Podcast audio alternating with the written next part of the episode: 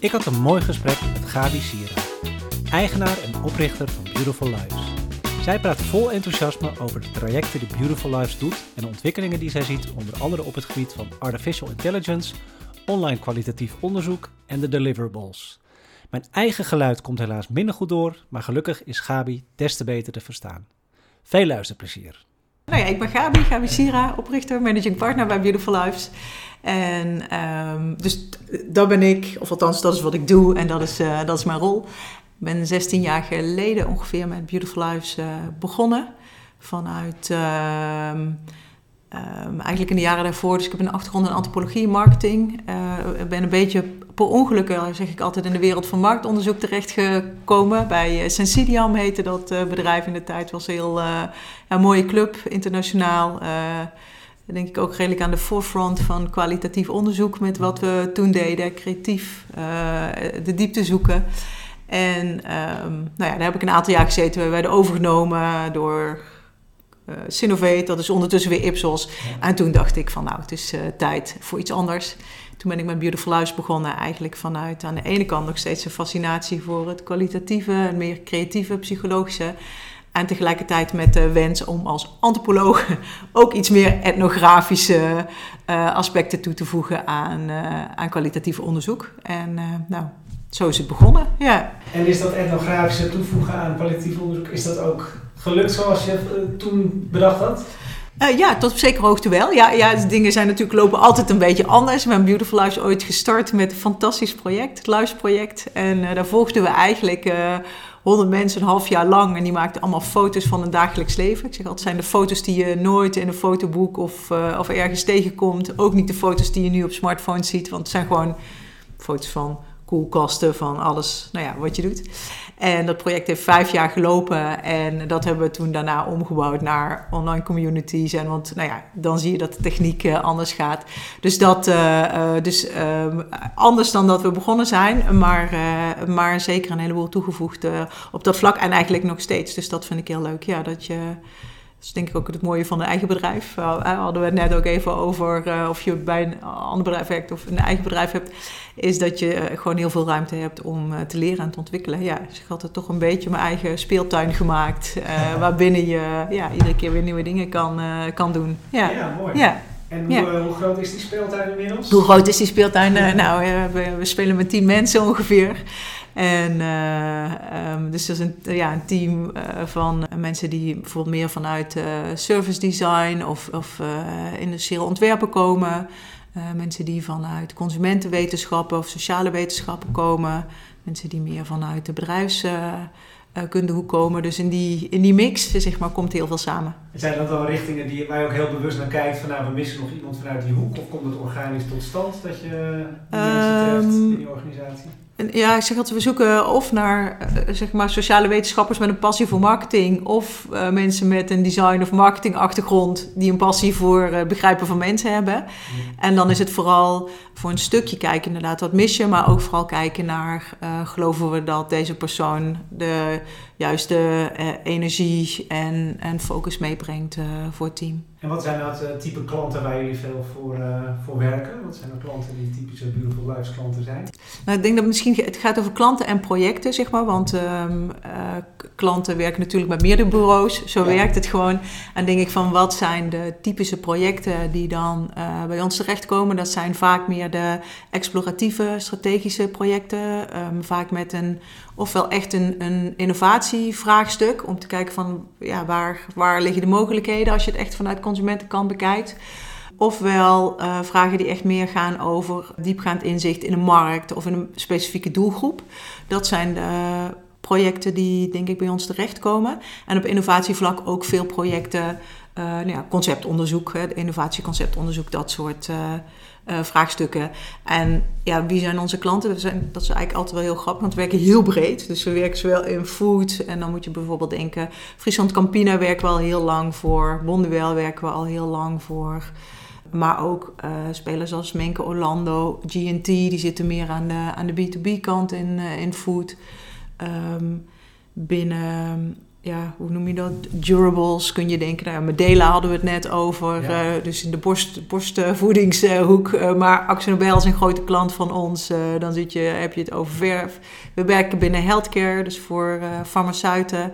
Retail, ja, eigenlijk heel financials. Dus in die zin heel breed. Maar ik denk wat het, ja, de overeenkomst is, is dat eh, ja, het altijd gaat over de type projecten waar ik het net over had. En was het ook van tevoren zoals je dat ongeveer bedacht had? Dat je dan in die breedte van klanten en dat type Ja. projecten zou... eh, Ja, breedte van klanten denk ik wel, omdat we heel bewust gekozen hebben om niet te specialiseren in een bepaalde branche. Dus die, de breedte aan klanten, dat vind ik zelf eigenlijk juist ook heel leuk en maakt het ook interessant omdat je learnings van de ene categorie eh, weer kan toepassen in de andere categorie. Heel plat zeg ik ook wel eens tegen farmaceuten. Het maakt eigenlijk niet zoveel uit of je een eh, pak yoghurt koopt of moet besluiten welke chemo iemand eh, krijgt ja. de drivers die eronder liggen zijn soms eh, best wel een beetje hetzelfde. Maar de manier waarop dat uitpakt in de context is anders. Dus dat wel, inside stuk. Ik denk wat een stukje anders is dan toen we begonnen, is dat we begonnen echt vanuit, vanuit insights.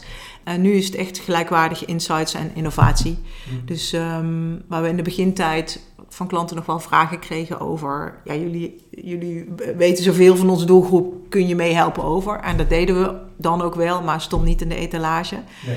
Zijn we zeven, een jaar of zeven, acht geleden is Maurice Palmer erbij gekomen als managing partner. Eh, die kwam vanuit eh, Clear onder andere. Dus die had een hele sterke achtergrond in dat innovatiestuk. En dat heeft hij echt ingebracht in Beautiful Lives. Dus eh, in die zin is Insights Innovatie nu... Ja, zijn eigenlijk twee gelijkwaardige pootjes, zou je kunnen zeggen. En kan jij een, voorbeeld van een traject noemen waar je aan gewerkt hebt waarvan je denkt, nou dat is echt wel een hele mooie, die ook echt goed bij ons past en Ja, ja. bent? Ja, heel, ja er, zijn, er zijn er een heleboel. Maar eh, nou, waar, waar, we het, eh, waar ik het ook met jou over had, is... eh, we hebben net een heel groot traject gedaan voor Medela. Dat is natuurlijk als, was, ja, een fantastisch traject... om met moeders die borstvoeding geven... en ook vrouwen die in de laatste trimester van hun zwangerschap zitten... te praten over borstvoeding, over kolfapparaten... over hoe kijken ze daarna, wat gaat goed, wat gaat niet goed, wat wil je... En dat in eh, zeven landen, eh, variërend van China, Australië tot Canada, Amerika en wat in Europa. Daarnaast ook nog met lactatie-experts te praten in al die markten. En dat in workshops en zo dan in zo'n team in te brengen. Dat zijn natuurlijk kersen op de taart, zeg ik altijd. Zijn in de loop der tijd, nou, je, zei, je kreeg een eh, managing partner erbij waardoor jullie Ja. meer op innovatie zijn eh, gaan richten. In de loop der jaren heen nog andere ontwikkelingen waarvan je denkt, ja dat heeft ons wel op, op bepaalde sporen gezet of dingen die je hebt geïntroduceerd in de markt waarvan je denkt, nou dat heeft ons echt wel veel, eh, veel gebracht. Ja, ik denk dat je ook in kwalitatief gewoon een enorme ontwikkeling in online ziet. Daar is denk ik kwalitatief, heeft altijd een, een beetje achter kwantitatief aangelopen. Ik denk dat we een, een- lang gezocht hebben naar hoe moet dat nu eigenlijk? Ja. Ehm, ook vanuit het idee, ja, je moet wel echt mensen zien en spreken. En ehm, nu waren wij vanuit het internationale, waren we eigenlijk al eh, behoorlijk eh, bezig met online, eh, dus de online BL Campfire noemen we dat, dus eigenlijk onze community, maar ook online gesprekken. Want je hebt natuurlijk als je ja, in landen, zo, ik heb, Nederland is gewoon een heel klein land, dus ja, is niet zo moeilijk om voor kwalitatief onderzoek op overal naartoe te gaan. Maar in China bijvoorbeeld is dat ietsje anders. Dus daar loopt eigenlijk al heel veel online. Dus in die zin, zeg maar, eh, nou ja, toen de hele corona twee jaar geleden begon, ehm, konden we de boel redelijk snel omzetten ook naar Nederland. En eh, eh, nou, dat, dat ging behoorlijk soepel. Dus dat, dat hele online stuk. Maar daar, ik denk de grote slag die we daar ook in geslagen hebben, is een soort van hoe maak je gesprekken, innovatieworkshops online? Hoe maak je het meer dan alleen maar we zitten eh, achter een scherm te praten? Dus we werken bijvoorbeeld veel met Mural. Ehm, we hebben hele, heel veel eh, ja, echte templates, eh gave werkvormen in ontwikkeld. Om dat ook te kunnen gebruiken in onderzoek, maar zeer zeker ook in, de, in innovatietrajecten. Ja. En tegenwoordig eh, is dus het gros van wat jullie doen eh, online. Ja, zeker. Ja. ja, ja, ja, ik zei al, ik denk als we tien, eh, de afgelopen jaar, eh, twee jaar tien ja, dingen op onderzoekslocatie gedaan hebben, dan, dan is het veel. Ja. ja, ik moet er echt over nadenken. Dat ik denk, we, wat hebben we eigenlijk ook nog weer op een onderzoekslocatie gedaan? Nee, het is eigenlijk zo goed als allemaal online. Aan onderzoek in ieder geval, workshops, ook heel veel online, maar hebben we af en toe nog wel eens wat ehm, op een locatie gedaan. Ja. En mis je het? het direct met mensen in gesprek? Ja, dat is een lastige vraag eigenlijk.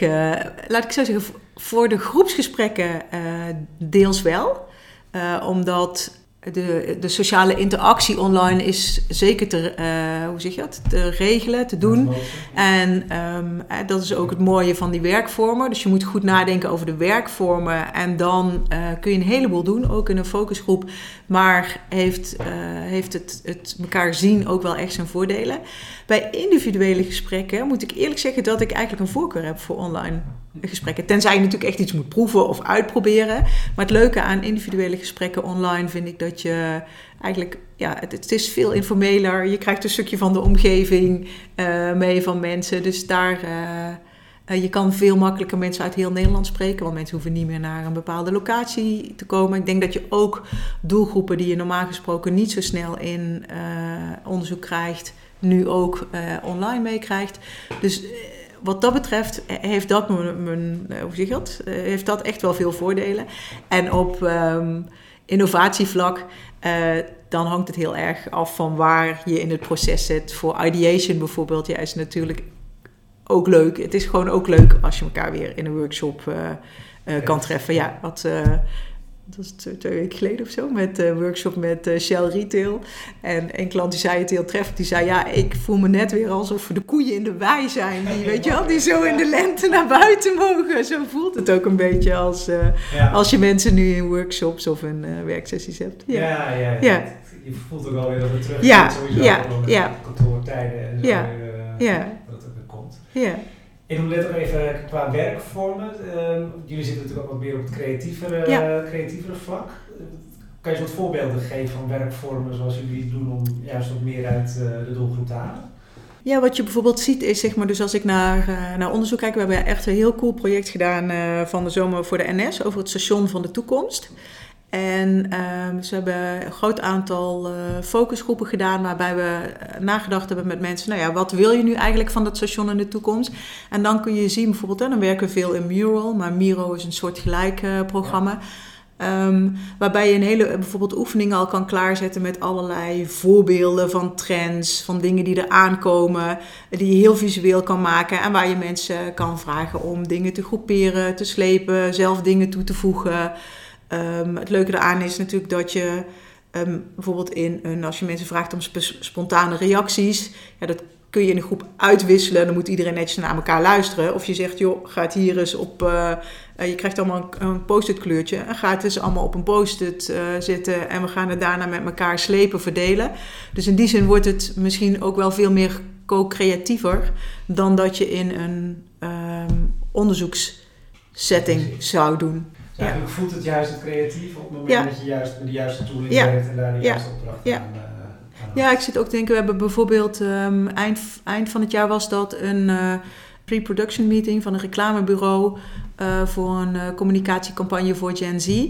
En toen hebben we letterlijk met uh, een aantal, 18 tot 20 waren ze, een soort van: oké, okay, kom eens door met plaatjes. Dus ook in Mural weer, kom eens door met visuals over hoe moet de kamer van die persoon eruit zien. Welke muziek moet er ronden.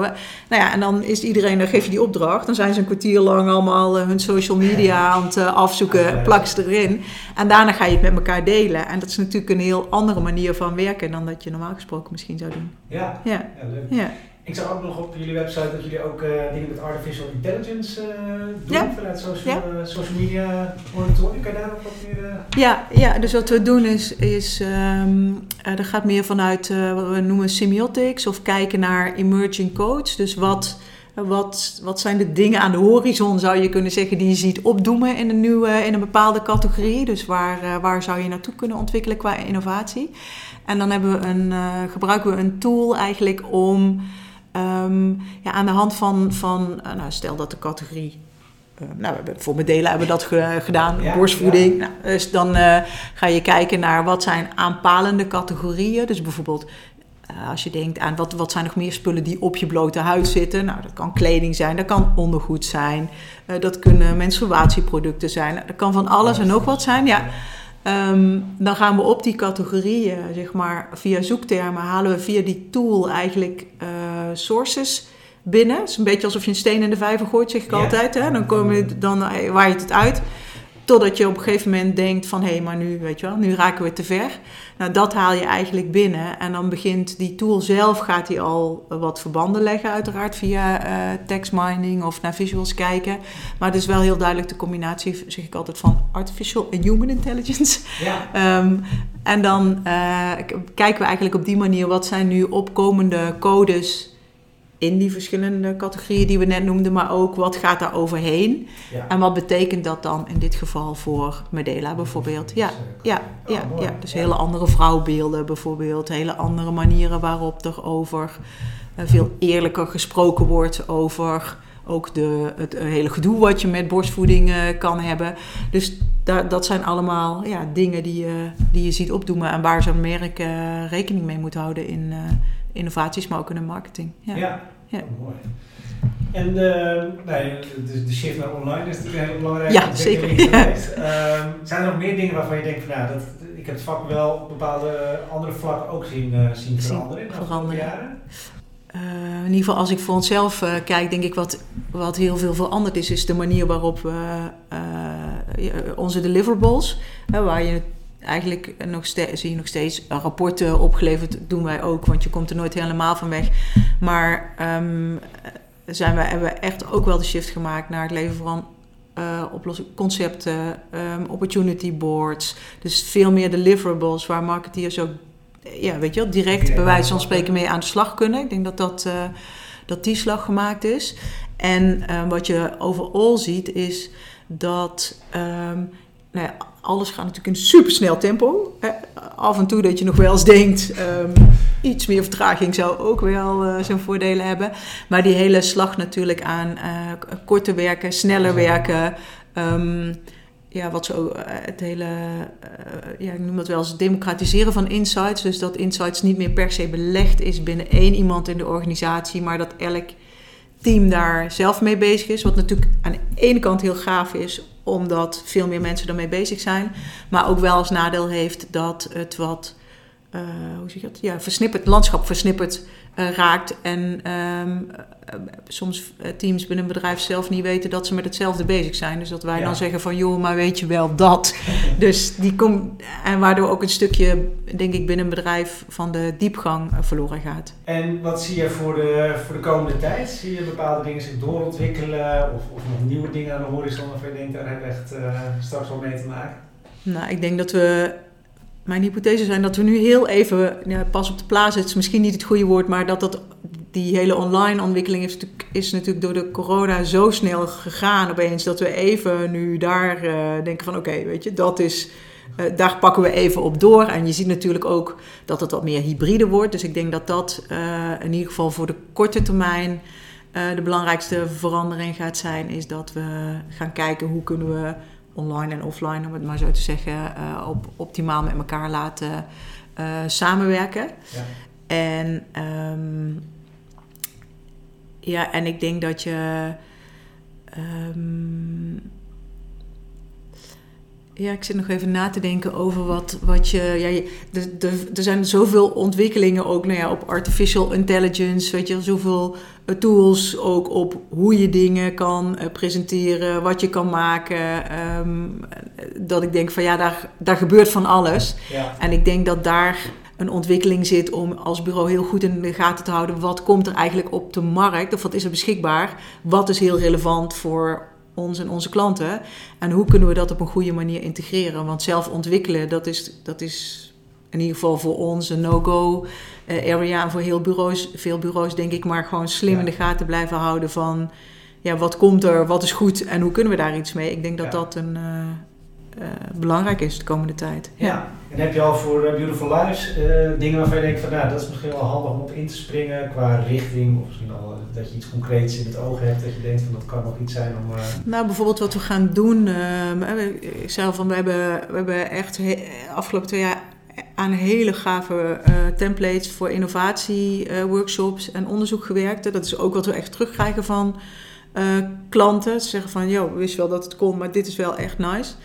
Dus daar zijn we nu aan het kijken. Daar hebben we nu uh, in eerste instantie een, wat een mural library van uh, gemaakt. Uh, die we met een aantal klanten aan het delen zijn, maar die we ook open gaan stellen het, dit jaar. Dus dan gaan we mee en mee gaan we dat openstellen beschikbaar maken. Dus dat zijn bijvoorbeeld wel dingen waar we naar kijken.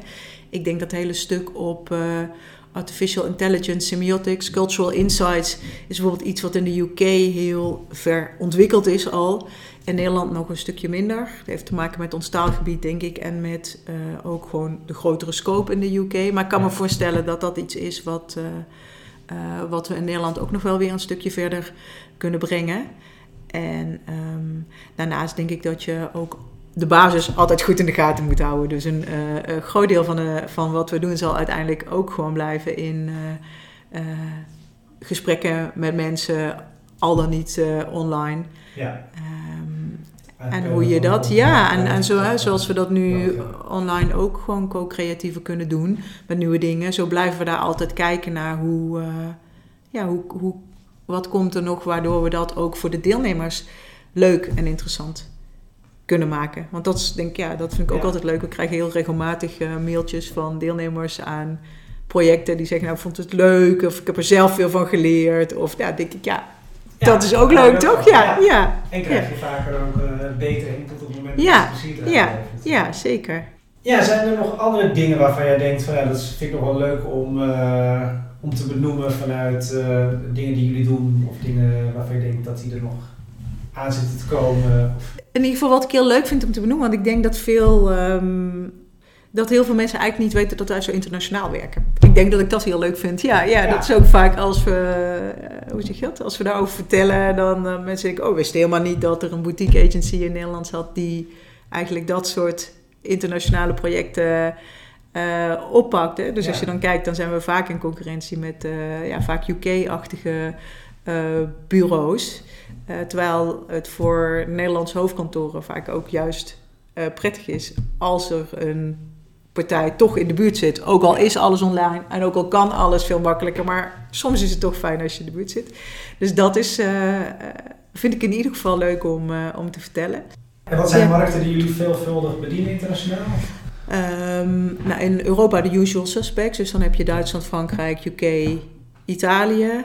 Zeg maar, dat zijn eigenlijk de grote. En dan vanuit Nederland natuurlijk ook een stukje België, Vlaanderen over het algemeen. Want als Wallonië erbij komt, wordt het vaak heel duur. En dan vallen ze het ook weer af, die arme walen. Ja. Um, Spanje soms nog. En um, uh, buiten uh, Europa heb je het dan eigenlijk met name over China, India, Brazilië, um, Amerika. Dat zijn ja, de usual suspects. Dat zijn de grote ja, markten eigenlijk. Echt, ja. ja. ja. ja ik ben wel benieuwd nou hoe jij jezelf bij blijft in het, uh, in het vakgebied. dus ik weet niet ja. of jij nog bepaalde dingen leest, of bepaalde mensen volgt, of, of luistert. Of ja, nee, ik, ik lees heel veel. Ik zeg altijd, ik lees alles wat los en vast zit. Um, ik hou uiteraard LinkedIn in de gaten. Uh, heb net vanochtend een cursus semiotics afgerond. Dus in die zin, zeg maar,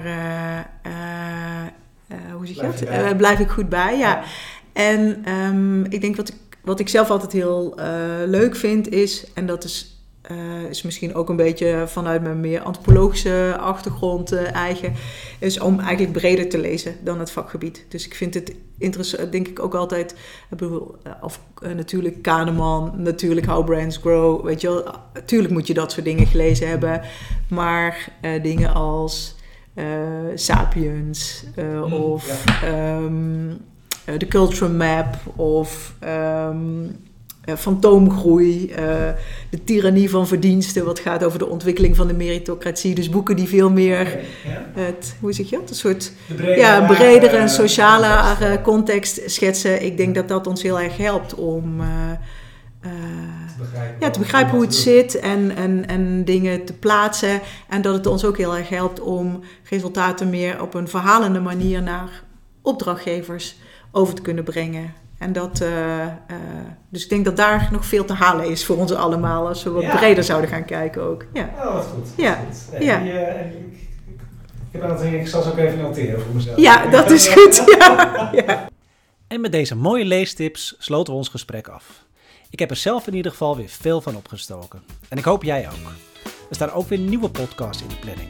Dus hou onze website in de gaten of hou ons via jouw favoriete podcast app in de gaten.